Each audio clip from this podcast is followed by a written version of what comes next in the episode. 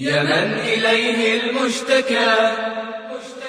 عبد ذليل قد بكى. يا من إليه المشتكى. عبد ذليل قد بكى. إن الحمد لله نحمده ونستعينه ونستغفره ونعوذ بالله من شرور أنفسنا ومن سيئات أعمالنا من يهده الله فلا مضل له ومن يضلل فلا هادي له وأشهد أن لا إله إلا الله وحده لا شريك له وأشهد أن محمدا عبده ورسوله أما بعد Hvala Allah subhanahu wa ta'ala koji nam je omogućio da se ponovo sastanemo. Mi nastavljamo večeras započeti ciklus najljepša nagrada gledanje lica Allaha subhanahu wa ta'ala. Mi smo prošli puta stali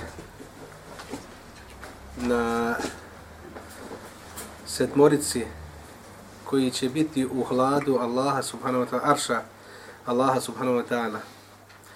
Spomenuli smo četvoricu i to su otprilike neke od predzadnjih ili ti među zadnjim prilikama koje Allah subhanahu wa ta'ala daje robovima svojim kako bi, kako bi im obrisao njihove grijehe Prije toga smo spomenuli da čovjek kako bi došao do dženneta i kako bi došao do te nagrade, najljepše nagrade, gledanje u lice Allaha subhanahu wa ta'ala, znači čovjek mora da pobriše svoje grijehe. I zbog toga Allah subhanahu wa ta'ala znači daje ljudima prilike na dunjaluku, pa im pa onda poslije toga daje prilike ako ne očisti svoje grijehe na dunjaluku, onda im Allah daje prilike u kaburu, I posljednja prilika, to jeste treća prilika ili ta treća kategorija prilika, jeste prilika na ahiretu. Mi smo prošli puta započeli i spomenuli smo e, dvije prilike, odnosno drugu smo započeli. Prvu priliku koju smo mi spomenuli za na ahiretu, koju Allah smo tela daje ljudima kako bi im obrisao grijehe, rekli smo ahvalu jeumel kijame. E, prva prilika, znači, bilo je e, to stanje sudnjega dana kada ljudi izađu iz kabura, pa kad budu vidjeli ono što, što budu vidjeli, kada bude, znači, e, došao hak, istina od gospodara subhanahu wa ta'ala, tada će svi ljudi vidjeti. Međutim, nema povratka.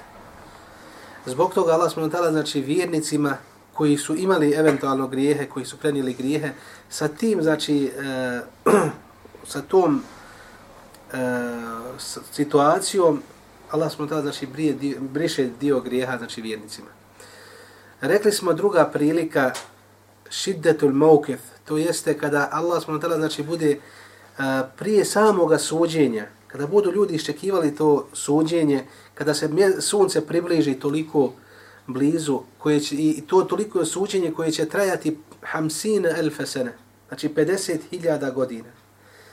I rekli smo da Allah smo tada znači toga dana i u toj prilici će izdvojiti sedam ljudi ili sedam kategorija ljudi koje će staviti u svoj hlad, u hlad Aršur Rahman, svoga Arša, kada drugog hlada neće biti mimo Allahovog hlada.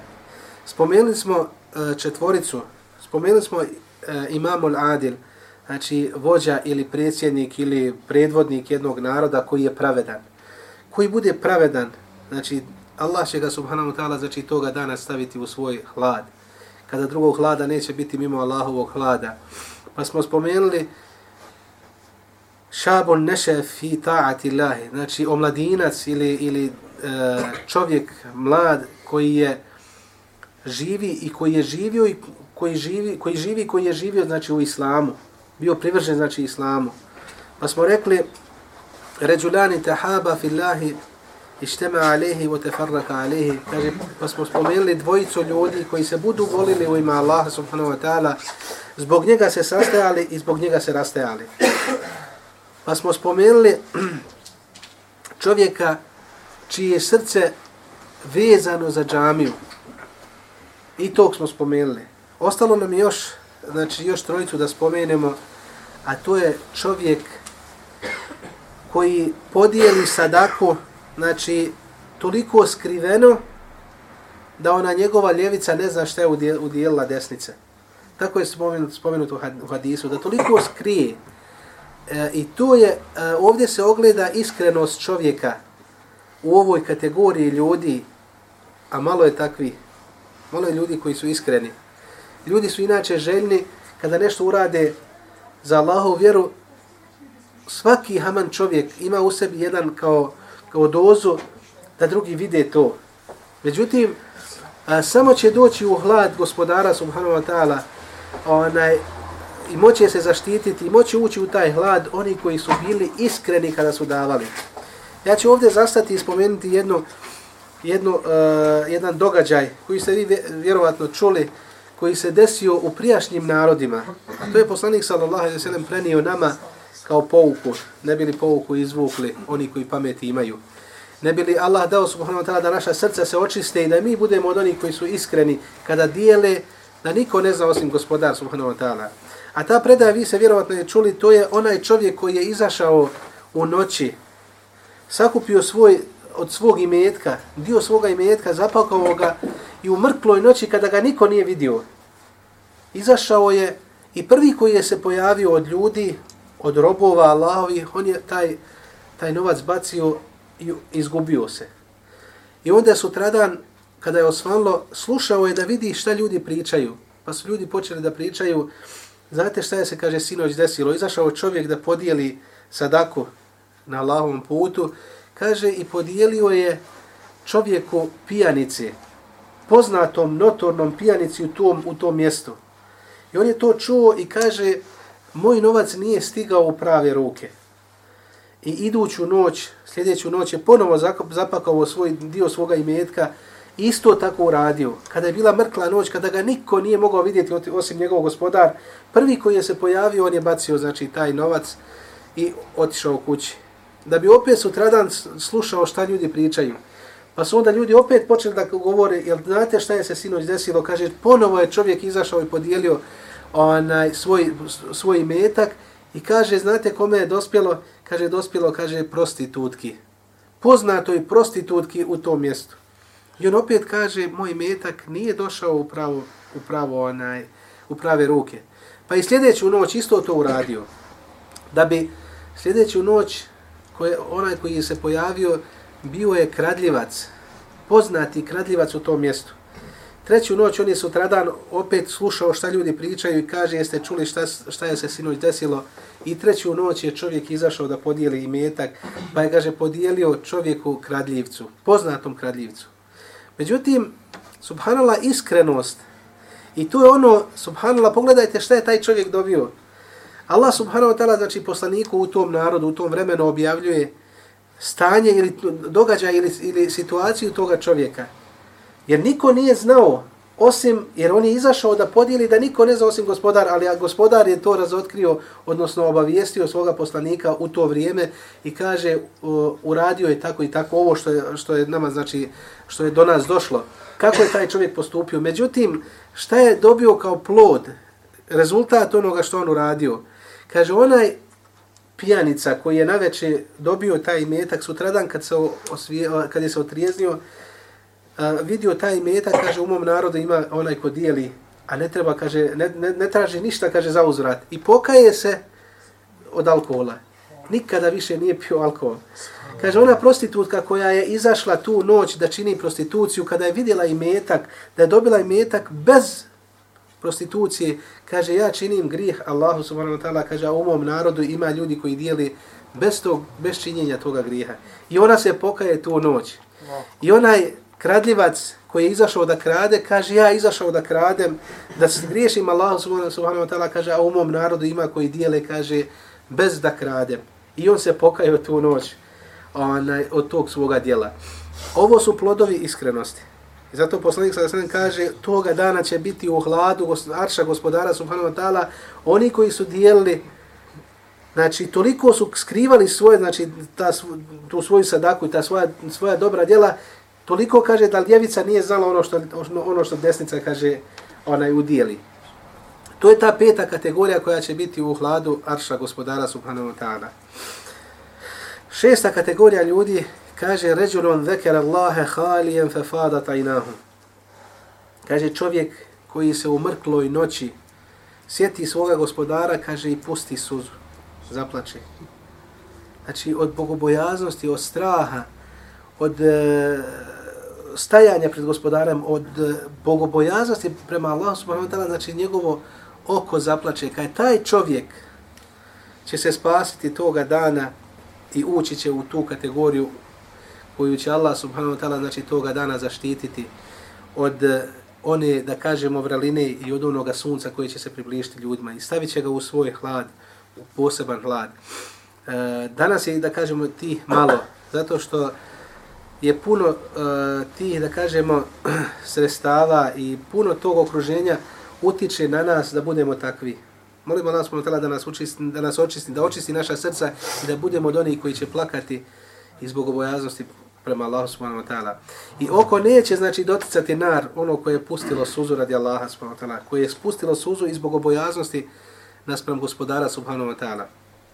I imamo sedmu kategoriju ljudi u ovoj drugoj kategoriji, da kažemo, koje će Allah subhanahu wa ta'ala znači, onaj, očistiti na sudnjem danu, uh, imamo, kaže, e, u uh, ređulun da'athum imraatun dhatu jamalin wa mansibin fakala inni akhafu Allah.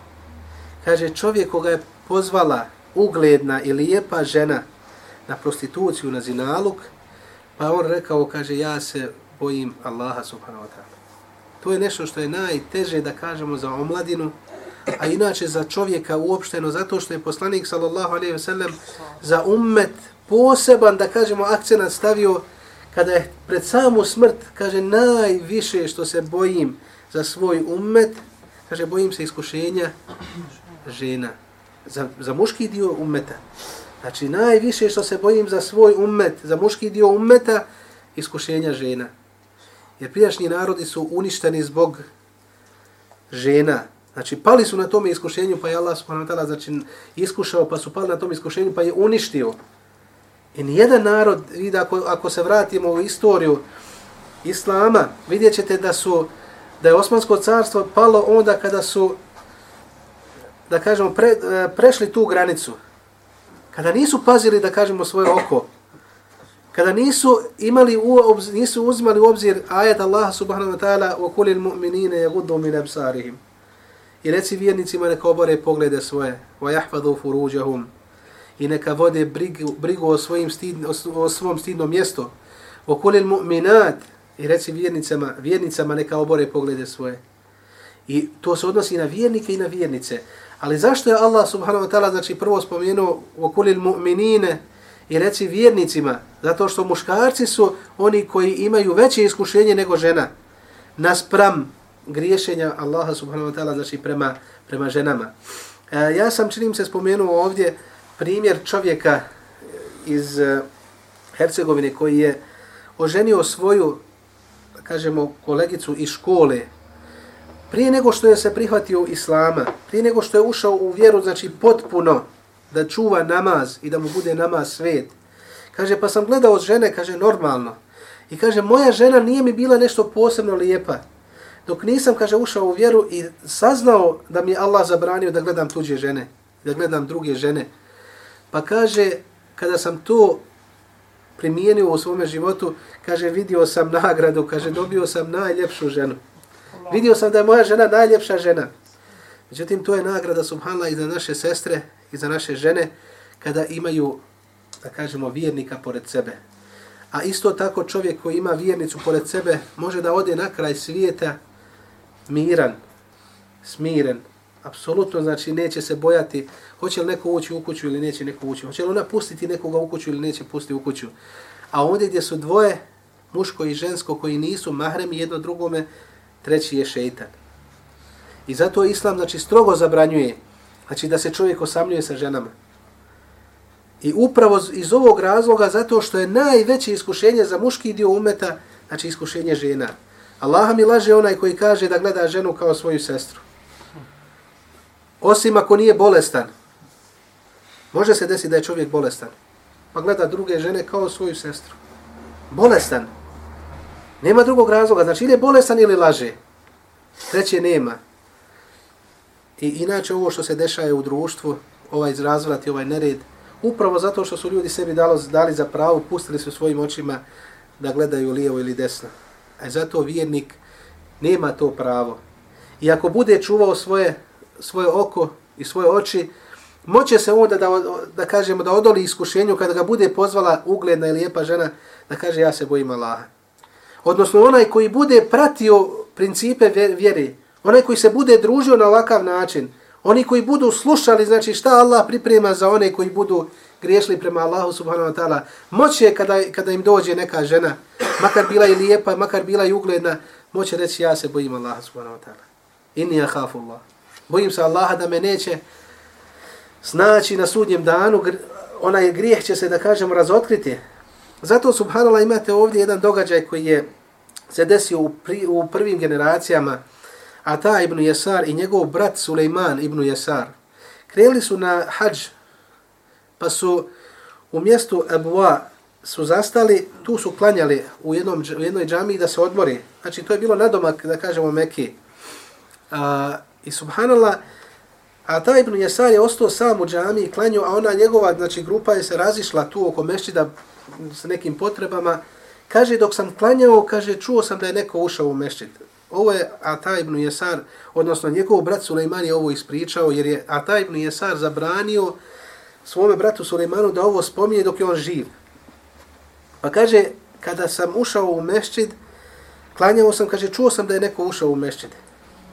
Pa sam, kaže, požurio da skratim svoj namaz, da vidim ko je, pa sam vidio, kaže, jednu djevojku, kaže, prelijepu djevojku, bedeviku, odnosno uh, iz Beduina, znači ženu Beduina, djevojka. Pa je, kaže, upitao sam Eleki Hadže, kaže, imaš li ti kakvi potreba? Kaže, ima. Kaže, dođi i kaže, uradi ono što rade muškarce sa ženama. Kaže, ilike Anni, kaže, idi od mene. Nemoj da me, kaže, da budeš ti, kaže, sebebom da ja uđem u vatru. Kaže, idi od mene. Kaže, idi iz meši da izlazi. Ona nije htjela da izlazi. Toliko on nju, da kažemo, istiravao, znači iz, iz da nije htjela da ide žena. Htjela je, vidjela je da je sam dok nije počeo plakat. Kada pa je toliko plakao, znači, a taj Ibn Jesar u mešćidu, a žena na drugom dijelu mešćida, počeo je plakat, kaže, dok se i ona nije rasplakala. Pa se ona rasplakala. Pa kaže, on je njegova, ona njegova grupa koja je bila, kaže, kako je koji ulazi u džamiju, vidio bi Ata ibn Jesara i tu ženu koja plače, pa su oni počeli plakati. Kako je koji dolazi u džamiju, svi su počeli plakati, kaže, čitava grupa je plakala i žena je iskoristila priliku i izašla iz mešida i otišla. A, Suleiman ibn Jesar iz poštovanja prema svom bratu starijem Atavu ibn Jesaru, nije ga pitao šta je se desilo. Nastavili su put, obavili hađ, vratili se, Pa su jedne prilike otišli u, u Egipat. Kad su bili u Egiptu, na večer je Ata ibn Jesar ustao, na večer, bili su zajedno njih dvojica, ustao je, kaže, i počeo je plakat. Sanjao jedan san i počeo plakat. Njegov brat, e, ovaj, Suleiman ibn Jesar, ustao i pita ga, Majub Kike, šta, šta te rasplakalo, šta si, kaže, šta je bilo? Kaže, sanjao sam san. Sanjao sam, kaže, Jusuf a.s. kaže, kako pričam sa njim, razgovaram, kaže, onaj, o, kaže, ne bi Allah, o, kaže, Allahu, kaže, poslaniće, kaže, kako je, kako si se mogao ti, kako si ti mogao odoliti, kaže, onoj ženi koja je zatvorila, kaže, vrata, i kaže, koliko si ti, kaže, imao iskušenje, i kaže, kako si uspio tome odoliti, pa kaže, Jusuf, alaihissalam, kaže, ti se čudiš mome slučaju, A kaže, ka, a kaže šta je bilo, kaže u Abua, kaže u Mešćidu. Pa kaže, onda sam, kaže, skontao da ga Allah obavijestio, kaže, o mome slučaju. Pa sam, kaže, počeo plakati. I onda je Suleiman ibn Jesar pitao svoga brata šta je se desilo. Pa mu je on onda ispričao, kaže, kada ste, kada ste vi otišli, došla je ona žena koja je plakala sa nama i kaže, pozvala me na zinalog. I subhano Allah ga sačuvao. A taj ibn Jesar je bio, Jesar, znači bio je poznati, da kažemo, e, pobožnjak ona, i čovjek koji imao znanje i zato je ga Allah subhanahu wa ta'ala sačuvao od ovoga, od ovoga da kažemo onaj, poroka i od ovoga e, lošeg dijela koje zasigurno čovjek koji to čini zinaluk je veliki grijeh koji Allah subhanahu wa ta'ala znači neće salam, koji neće oprostiti osim onima koji se iskreno pokaju a u to iskrenom, u iskrenom pokajanju znači oni koji lem yusirru ala ma fa'alu wa hum ya'lamun. Ne ustrajavaju u tom grijehu, a znaju da je grijeh. To je najteži e, šart pokajanja da čovjek ne ustrajava u grijehu. I zato oni koji budu ustrajavali u grijehu, i oni će prenijeti ove svoje grijehe i onda će im Allah davati prilike ove o kojima mi pričamo u ovome ciklusu predavanja. Rekli smo ove tri prilike koje čovjek ima na sudnjem danu, jeste da čovjek, znači onaj dan kada počne, kada izađe iz kabura, znači taj, te strahote, kada ljudi budu vidjeli, uh, E, kada, se, kada ljudi budu hodali kao pijani, omahum bisukjara, a nisu pijani, ولكن azab Allahi šedid, kaže, nego je Allahova, kaže, kazna, kaže, žestoka. I ljudi će biti kao ošamućeni, kao pijani. To je prva prilika gdje će Allah smutala brisati muslim vjernicima grijehe. Druga prilika ona je ono sunce kada se približi, kada počne suđenje i kada bude 70, 50.000 eh, godina, znači trajalo to, znači suđenje, vjernike će Allah smutala toga dana zaštititi i bit će im samo izme, kao između podne i kindije. Tako će im se učiniti. To je milost Allaha subhanahu wa ta'ala prema vjernicima. Allaha molim da nas učvrsti da budemo od onih koji će toga dana, znači samo tako osjetiti, znači taj to vrijeme. I ostaje, znači, među zadnjim prilikama na ahiretu, ta prilika je šefaat, znači zauzimanje. Zauzimanje na sudnjem danu, znači drugih ljudi naspram tebe. Molimo Allah da nas sačuva da ne, ne trebamo da, nas, da se neko za nas zauzima. Ali oni koji prenesu svoje grijehe, ne bude im Allah obrisao njihove grijehe, imaće znači jedno od predzadnjih, od među zadnjim onaj prilika da se neko drugi za njih zauzima. Zato Allahu poslanik sa selem kaže Oledi nefsi bi jedi, kaže, tako mi onoga učuje, kaže, e, ruci moja duša, kaže, ono dijete koje e, žena pobaci prije, rod, prije poroda, znači dijete koje umre prije poroda pa ga žena pobaci mrtvo, rodi se mrtvo, kaže, Allah će dozvoliti tom djetetu na sudnjem danu da, kaže, sa onom pupčanom vrpcom, kaže, vuče svoju majku, kaže, prema džennetu i da je ihtesebethu, kaže ako bude, ako bude osaburla na tom pobačaju. Inače žene, većina žena, hvala Allahu, znači pogotovo vjernice, onaj, uh, one hoće djecu, ili vjernik hoće djecu. Zato poslanik, poslanik kaže sa selam kaže onaj, ženite se i kaže rađajte puno djecu, kaže jer ja ću se na sudnjem danu ponositi, ponositi sa vašom mnogobrojnošću. Međutim, uh, pogotovo kad su djeca, znači, hajele, odnosno lijepo odgojena. Pričali smo mi o toj djeci koja su odgojena pa dignu ruke za svoje roditelje. To je jedna od prilika koje će Allah s.w.t. Znači, dati vjerniku da mu obriše Allah s.w.t. grijehe. Zato žena koja e, doživi pobačaj i ako osaburi na tom pobačaju, kaže Allahu poslanik sa sredem, kaže tako mi onoga u čuje ruci, moja duša, kaže to djeće, ka, djete će, kaže vući, kaže s onom pupšenom vrpcom, kaže svoju majku, kaže u dođenete. Pa kaže subhanallah, ovdje je prilika subhanallah od ovih zauzimanja za žene. Gdje smo mi, muškarci?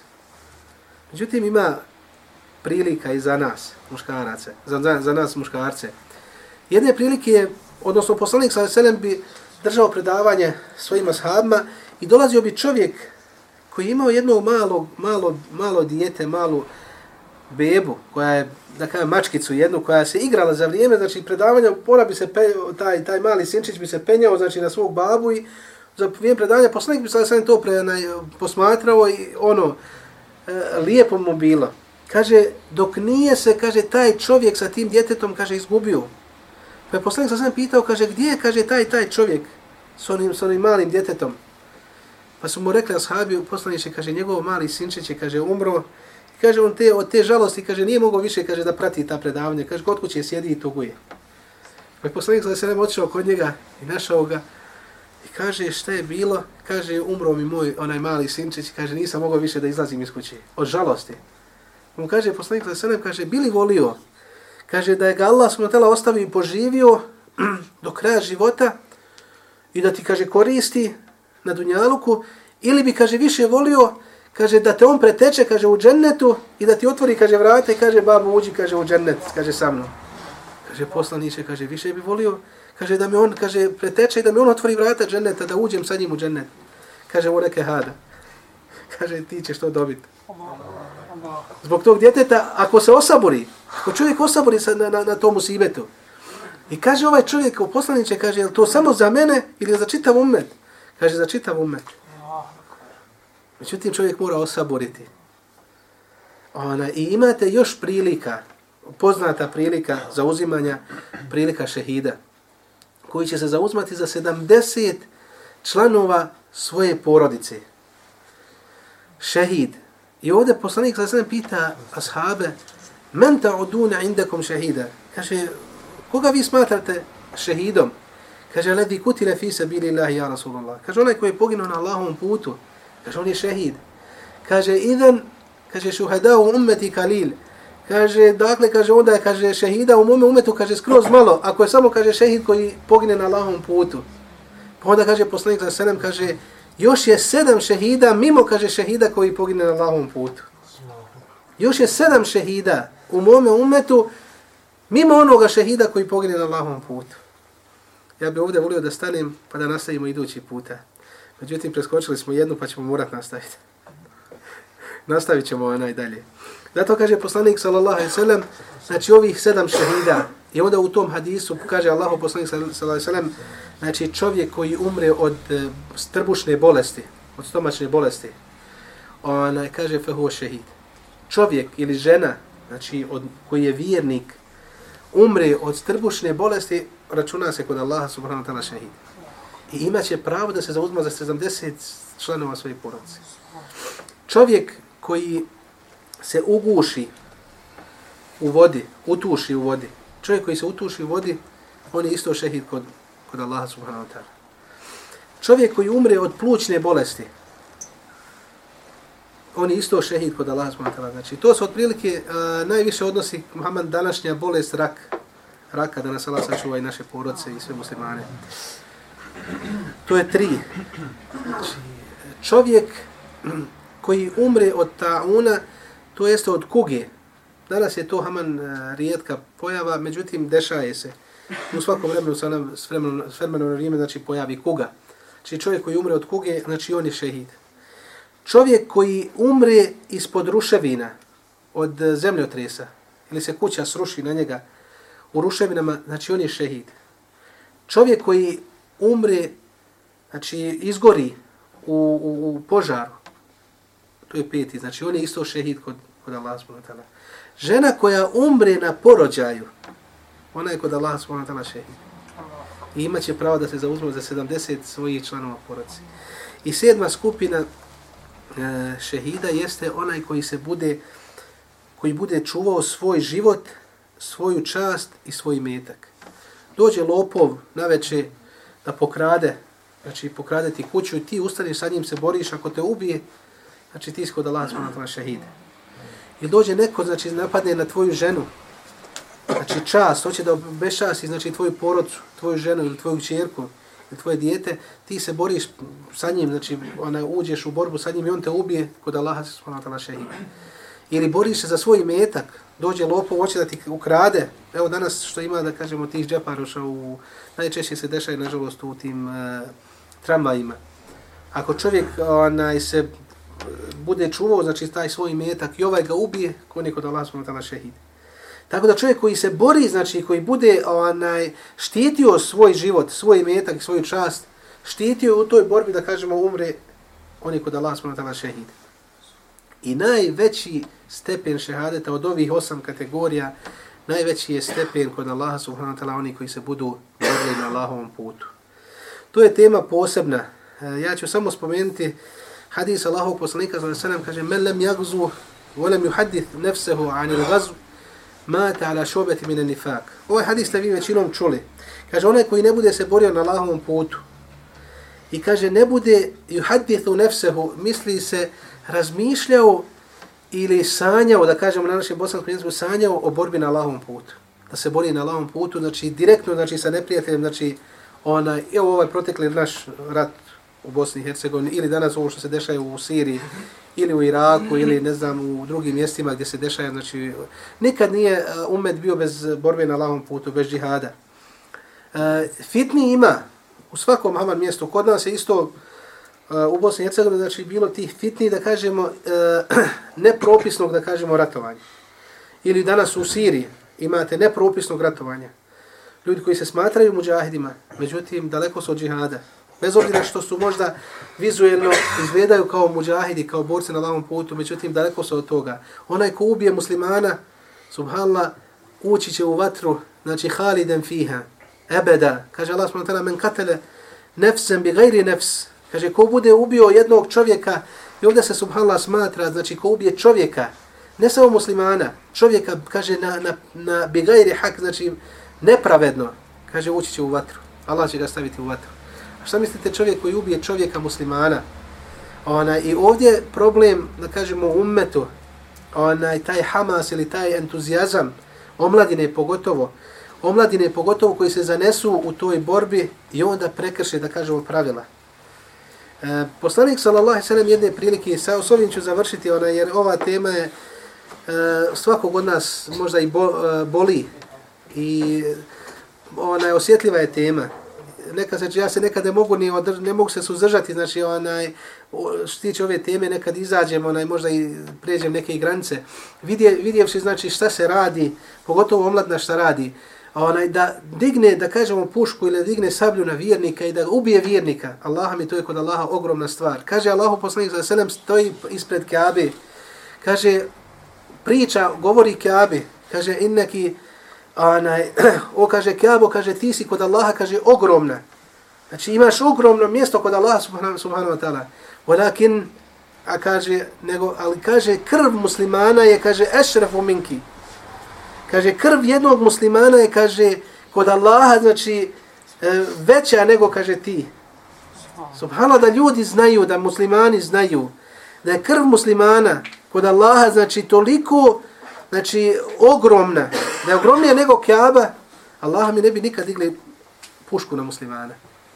I zato te fitne uglavnom dolaze, E, vjerujte, glavna, znači, glavni razlog svih nesporazuma i glavni, glavni razlog svih problema u umetu, glavni razlog svih, da kažemo, belaja kod ljudi je neznanje. Glavni razlog je neznanje kod ljudi što se dešava ovo i umetu i izvan umeta jedan od samo momenata, subhanallah, kaže poslanik sa sredem, kad čovjek nije u ratu sa nevjernicima, kaže, musliman ne smije zanoćiti, a da njegov komšija, znači, onaj bude gladan. Ne smije zaspat, a da njegov komšija, kaže komšija, musliman, ne musliman. Allah mi nije izdvojio muslimana ili ne muslimana. Ne smije zaspati, a da njegov komšija nema šta da jede. Mora popoloviti, znači, svoju večeru sa komšijom. Allah mi ovo je islam. Međutim, kad ljudi ne znaju, Pogotovo kad je čovjek mlad i kad ne zna, on bi možda svog komšiju volio ubiti ga. A nije u ratu. Čovjek nije, da kažemo, ne bori se protiv tebe. Možda bi te više pomogao i na nažalost neka se desi, subhanallah, da čovjek koji nema veze sa vjerom ili možda nemusliman, bolje se ponaša prema ljudima nego čovjek koji je možda u vjeri, ali neznalica. Zato neznanje čovjeka najviše košta u životu. I zato Allah kaže, hel jeste bi ledine jalemune o ledine la jalemune. Da li su isti oni koji znaju ili oni koji ne znaju? Hoće da kaže Allah, nisu isti oni koji znaju, oni koji ne znaju. I zato je obaveza, zato kaže Allahu poslanik sallallahu alejhi ve sellem talebul ilmi faridatun ala kulli muslim. Kaže, obaveznost traženja znanja je, kaže, obaveza svakog muslimana. Znači, farida, fard, vađib, da čovjek traži znanje, da čovjek izučava znanje, da čovjek e, čita, da izučava, da dolazi na ovakva predavanja. Ili da izučava na, na, na druge načine, da čita, I zato jesmo mi umet ikre, ali nažalost nismo. I zato je Bošnjaka, da kažemo, najlakše nagovoriti protiv Bošnjaka, zato što ne zna. Allah mi da zna da njegov brat musliman njemu brat i da ima pravo kod njega. Ne bi se ponašao prema njemu. I da ne smije, i da čovjek, subhanallah, la yu'minu ahadakum hatta yuhibba li ahihi ma yuhibbu li nafsihi. Kaže, niko od vas neće ispravno vjerovati, ni će biti potpunog imana dok ne bude svom bratu muslimanu, voli ono što voli sebi. Na kraju kreva komšija ti bošnjak, musliman, slabog imana. Dajmo opravdanje, nađemo opravdanje. I opet ga voli ko brata muslimana i pokušaj na najljepši način da ispravi, za kažemo, te nedostatke. A svaki od nas ima nedostatke. Neko više, neko manje. Ako ti smeta njegovi nedostaci, ili su neki propusti ogromni, veliki grijesi, pokušaj na najljepši način. Ja ću ovdje isto onaj, spomenuti subhana taj način, tu muslimani su zakazali, što se tiče načina uh, prenošenja ili ispravljanja stvari. Najbolji način, najbolji, da kažemo, e, način ispravljanja stvari su dala dvojica dječaka. Hasan i Husein koji su bili dječaci od 12 ili 13 godina ili 14 godina, dali su lekciju čitavom ummetu kako trebaju popraviti stanje ummeta ili kako trebaju popraviti e, negativnu stvar u ummetu. Vi ste taj primjer vjerovatno slušali. E, čovjek koji je starac, starac, znači abdestio se, međutim pobrkao redoslijed abdesta. Frišak u islamu i nije znao da onaj redoslijed abdesta i kako se abdesti. I Hasan i Husein su posmatrali tog starca kako se abdesti i vidjeli su da se on nije dobro abdestio. Šta mislite, jesu njih dvojica rekli, kako te nije sramota, toliko godina imaš, nisi do sad naučio abdesti se. Ne, vallaj. Niti su rekli mu, nisi se ispravno abdestio, neće ti namaz biti ispravan. Absolutno nisu ni tako reagovali. Niti su mu rekli, znači, uvjet ispravnosti namaza je da ispravno se čovjek abdesti. Ne. Nego su hala dali su lekciju ummetu na koji način. Došli su kod tog čovjeka, djede. Kaže, o Amidža, obraćaju im se suhalo u arapskom kod Arapa ima za starijeg čovjeka, za sve starije ljude kažu ja ammi, o Amidža. Obraćaju im se znači toliko lijepo ispoštovanja o Amidža. Kaže, vidiš nas dvojicu, kaže, mi hoćemo, kaže, bil ti htio da ti, kaže, nama presudiš ko se od nas dvojice najbolje, ko se bolje abdesti od nas dvojice. Ovaj čovjek ne sluteći apsolutno šta njih dvojica, šta su naumili. Stari djedo ima, ima vremena dovoljno, kaže, hoću. I njih dvojica su stali da se abdeste, isto se abdeste. Znali su se abdestiti kako treba, isto se abdeste. U pola abdesta on kaže, ja, subhanallah. Kaže, o, neka je slava Allah. Kaže, ni tako mi Allah, kaže, vi niste došli da kaže mene, da, da ja vama presudim ko se bolje abdesti, nego ste vi došli, kaže, da mene podučite abdestu. Jer je on skonto da se on nije onako abdestio. Da je on izmiješao, znači da je pobrkao, znači redoslijed abdesta. I kaže, ovo je škola poslanika, sallallahu alaihi wasallam. Jer ovaj djedo znao da su njih dvojica, Hasan i Husein, bili uh, unuci Allahovog poslanika, sallallahu alaihi wasallam. Dječaci, dali su lekciju čitavom ummetu. Znači, reagovanje, znači, na prvu, niko ne voli. Grubost niko ne voli. Zato Allah kaže, subhanahu wa ta'ala, vole kunte faddan galida al kalbi len faddu min hawlik. Kaže, da si bio gruba i osora srca, kaže, oni bi se raspršili, kaže, od tebe. Niko te ne bi slijedio. Međutim, je li bio poslanik za sve grub? Allah mi nije bio grub. Zato je plijenio srca svih, da kažemo, Arapa. Zato su oni koji nikada nisu možda pomislili da će ući u islam, prišli su islamu. Omer ibn Khattab radijallahu ta'ala anhu, kaže njegova komšinica, kada je čula vijes da je Omer prihvatio islam, kaže prije će, kaže, magarac Hatabov, kaže, primiti islam, kaže, nego Omer. Međutim, Allahu poslanik, sallallahu alaihi sallam, koji je bio, či blag, koji je bio, da kažemo, a, imao sluha, imao osjećaja prema ljudima. I onog Omera radijallahu anhu koji je bio toliko grub, privolio ga u islam. Tu je svakako pomogla dova Allahu poslanika sallallahu alejhi ve I dova je isto toliko bitna znači u ummetu. Znači to je naše najjače oružje. Da čovjek moli Allah subhanahu wa ta'ala znači da nas učvrsti da nas sastavi u džennetu onako kako nas je večeras ovdje sastavio. Allahumma amin. أحب الله والإسلام والقرآن والجنة أحب جحافل الإيمان ترفع راية السنة أحب الله والإسلام والقرآن والجنة أحب جحافل الإيمان ترفع راية السنة